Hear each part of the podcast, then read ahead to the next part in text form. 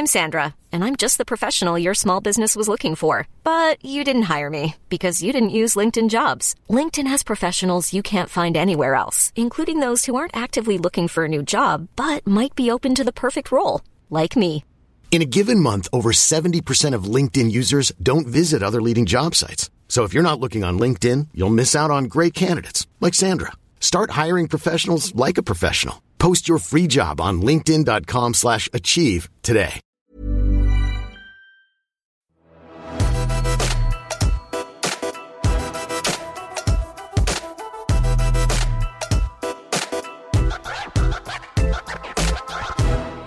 Jeg må snakke om Isabel Rad, og da mest av alt om medienes ambivalente forhold til eh, kontroversielle influensere, som Isabel Rad blant annet.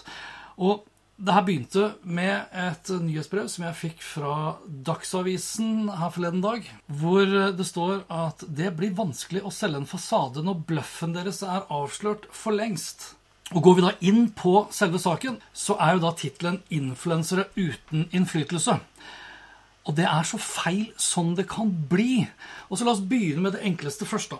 Hvis Isabel Rad ikke hadde hatt noe innflytelse i det hele tatt, så hadde heller ikke Selma Morén giddet å skrevet denne kommentaren. Da hadde heller ikke mediene som sådan omtalt influenserne opp og ned i dage. Poenget og realiteten er jo at Isabel Rad og veldig mange andre influensere som henne har enorm innflytelse. Og realiteten er jo at Isabel Rads innflytelse blir forsterket hver eneste gang hun også da blir omtalt i norske medier. Og det er ikke så rent sjelden hun blir omtalt i norske medier heller. Jeg tok en liten kikk da på Retriever for å se hvordan det sto til med hennes uh, omtale, og da de siste tre årene. Uh, og vi snakker om nærmere 1000 ganger. Uh, og bare så langt i januar så har hele 56 artikler da handlet om Isabel Rad. Og det som også er et viktig poeng her, er jo at disse influenserne har så stor påvirkningsmakt og kraft overfor sitt gjerne yngre publikum at mediene, inkludert TV-kanalene, de kaster seg jo etter med hundretusener av kroner for å få disse deltakerne, inkludert Isabel Rad, med på TV-programmer. De får jo TV-serier, de blir med på reality-serier osv. For i mediemessig forstand, når det er snakk om det skrevne ord, ja, så skaper eh, konflikter som når journalister og andre medier uttaler seg kritisk om influensere.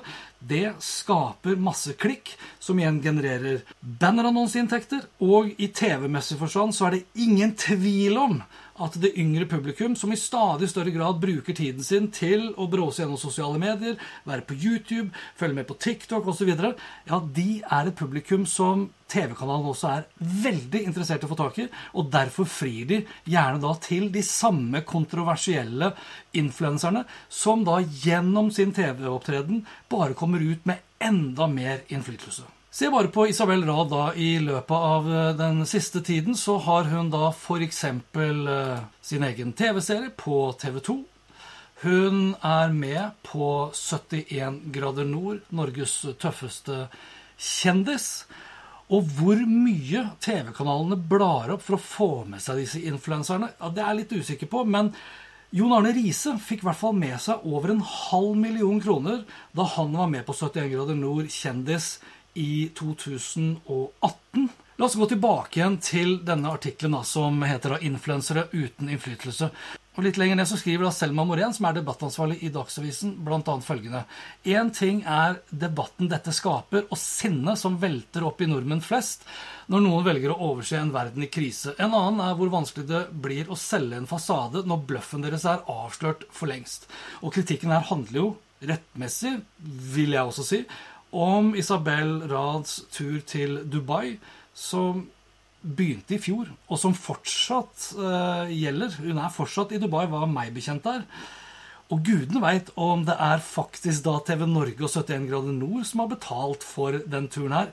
Indirekte ved at de sikkert har bladd opp noen hundre tusen for at hun skal være med. For uh, tar man en kikk på de postene som Isabel Rad har lagt ut, så er det veldig få av de som er sponsa. Altså det er få som er annonserelatert. Så hun må jo ha skaffet seg penger for å sånn sett da kunne være såpass lenge da i Dubai. Men spørsmålet er jo om bløffen er avslørt for lengst i tillegg. Det er jeg ikke med på i det hele tatt. Og jeg har lyst til å sitere da et annet avsnitt her. For her står det en studie viser at influenseres influens allerede hadde begynt å bli blassere i 2019. Brukere trykket mindre på like-knappen enn før. Sponsede poster hadde falt til 2,4% fra 4% mens ikke-sponset innhold hadde falt til 1,9% fra 4,5 det kan det være mange grunner til, men kan man oppsummere det til én ting? Begynner vi ikke bare å bli veldig lei? Lei av dette spillet hvor alle later litt som hele tiden? La oss gå til Instagram-kontoen til Isabel Rad. Så langt i januar 2021 så har Isabel publisert 34 bilder, og da sier jeg bare bilder, ikke Instagram Stories. Og de 34 bildene, hold dere fast, de har generert ca. 665 000 likes eller hjerter, da, hvis vi skal forholde oss til Instagram her. De har også generert et hav av kommentarer som i veldig mange tilfeller inneholder ord som 'Å, du er så fin. Å, du er så skjønn. Du er så flott. Du er så vakker. Du er så nydelig'.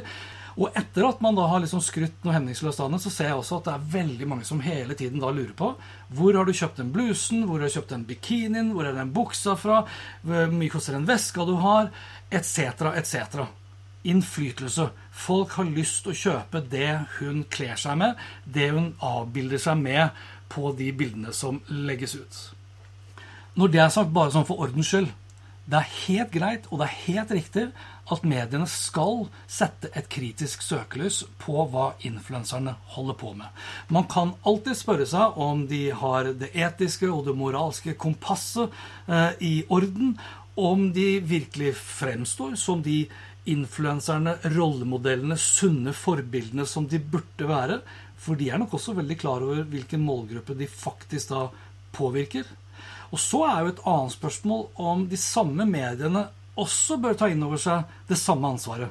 Som igjen da vet at dette skaper klikk, det skaper bannerannonsevisninger, det skaper inntekter, det skaper ikke minst et yngre publikum, om det så er på TV-programmene de bruker det til, eller om det da er på nettavisene, eller om det er VGTV osv., så, videre, så er det her en slags circle of life hva gjelder influenserøkonomien. For alle tjener på det, og alle er sånn sett villige til å gi avkall på en del moralsk valuta for å tjene penger. Og det her gjør de rett og slett fordi det funker. La oss gå tilbake igjen til påstanden om at denne bløffen da er avslørt, og at influenseren Isabel Rad ikke har noen innflytelse. Og La oss se på denne påstanden da om et fallende engasjement og interesse. Igjen. Isabel Rad har 270 000 følgere. 665 000 likes, eller da hjerter, fordelt på disse 34 bildene på Instagram i januar 2021. Det er ganske kraftig opp fra desember 2020, hvor hun oppnådde da 163 000 likes, fordelt da på 17 bilder. Altså vil si et snitt i januar på 19.600 hjerter, mot et snitt i desember på 9600 hjerter. Det er en vekst på 104% alt annet enn denne nedgangen som Selma Morén skriver om. Og Antall medieoppslag så langt i januar er på hele 56 ganger. Dvs. Si, så langt i 2021 så ligger hun an da til to ganger om dagen så blir hun da omtalt i et eller annet norsk medie. Og det er da opp med 177 sammenlignet da med snittet på 0,72 ganger for 2020, hvis vi slår det under ett. Så tilbake igjen til hvem det er som kritiserer, og hvem det er som heier. Hvis jeg går inn på inspire.me, så kan jeg finne fram til hennes profil på dette influensernettverket. Og jeg kan jo se da av hennes profil at de aller fleste som hun påvirker, de holder til i Norge. Det er en del som er i USA og United Kingdom og Sverige og Spania osv. Men av de som følger henne, altså av demografien, så er over 80% kvinner og bortimot 70% under 24 år. Og den målgruppen her bruker i mange tilfeller mye mer tid på sosiale medier, på YouTube, Netflix, TikTok osv. enn de bruker på Dagsavisen, Dagbladet, Aftenposten etc. Og de blir påvirket. Og det å komme her med noen påstander om at uh, Isabel Rad har mistet all innflytelse, og at forretningsmodellen er helt blåst fordi hun har stukket av til Dubai Ja, hadde det bare vært så vel. Men det er det jo ikke. På ingen som helst måte. Og det her er jo det som er problemet, eller utfordringen, eller da realiteten. Unge kvinner blir influert av dårlige forbilder og dårlige rollemodeller. Og det er da forbilder og rollemodeller som vokser seg store fordi mediene løfter dem frem, fordi de samme mediene har blitt avhengig av den oppmerksomheten influensere gir gjennom et yngre målgruppe og et yngre publikum som de sjøl sliter noe helt infernalsk med å nå. Så ikke kom her og påstå at Isabel Rad eller andre influensere ikke har noen innflytelse.